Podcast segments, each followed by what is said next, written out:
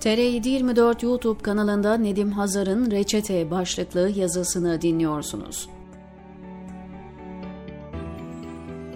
Çok zayıf ve hatta Suyuti ve Acluni gibi hadisçilerin böyle bir hadis olmadığını belirttikleri ancak benim dikkatimi çeken ve bazı kaynaklarda hadis olarak geçen bir cümle. Resulullah sallallahu aleyhi ve sellem buyurdu ki erkek çocuklarınızı sevin, bunun üzerine ashab ya kız çocukları diye sordular. Fahri kainat şöyle buyurdu. Onlar zaten kendilerini sevdirir. Baştan söyleyeyim bu yazı kız çocukları üzerinedir. Bir itiraf. Bir erkek çocuk babası olarak yeni doğan kız çocuğunu kucağıma aldığımda gerçek anlamda baba olmak nedir hissettim sanırım. Minicik bir kedi yavrusunu almıştım ellerime sanki. Savunmasız, yumuşacık ve sıcak. Oğlan çocukları ve ebeveynleri alınmasınlar ama kızı olmayan anne babalara çok üzüldüğüm olmuştur. Reklamcılık yaptığım dönemlerde bir evdeki ilk etkilenmesi gereken kişinin kız çocuğu olduğunu anlamış ve şaşırmıştım. Evet belki anneler kızlarının isteklerine bir nebze direnebiliyorlardı ama bir babanın kız çocuğunun herhangi bir isteğine olumsuz cevap vermesi mümkün değildi. 16 Temmuz gecesi elimde bir küçük çantayla Frankfurt'a geldiğimde hayatın beni savurduğu sıkıntılı dönemin idrakinde değildim. 50. yaşıma birkaç ay kalmıştı ve ben emeklilik günlerinin hesabını yapıyordum.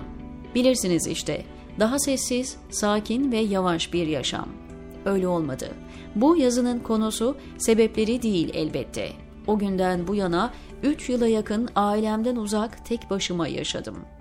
Yine o günden bu yana 3 kez kalp krizi geçirdim ve kalbime 5 adet stent takıldı. Şu anda kalbim %35-39 arası bir performansla çalışıyor. En son 2 hafta önce canım çok sıkkın bir şekilde gecenin bir vakti araba kullanırken göğsüme devasa bir kaya oturmuş gibi daraldım. Evden de saatlerce uzaktaydım.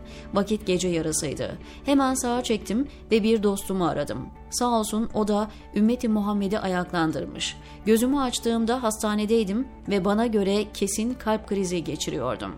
Doktorlar gerekli tetkikleri yaptılar ve ağır bir panik atak nöbeti geçirdiğimi söylediler.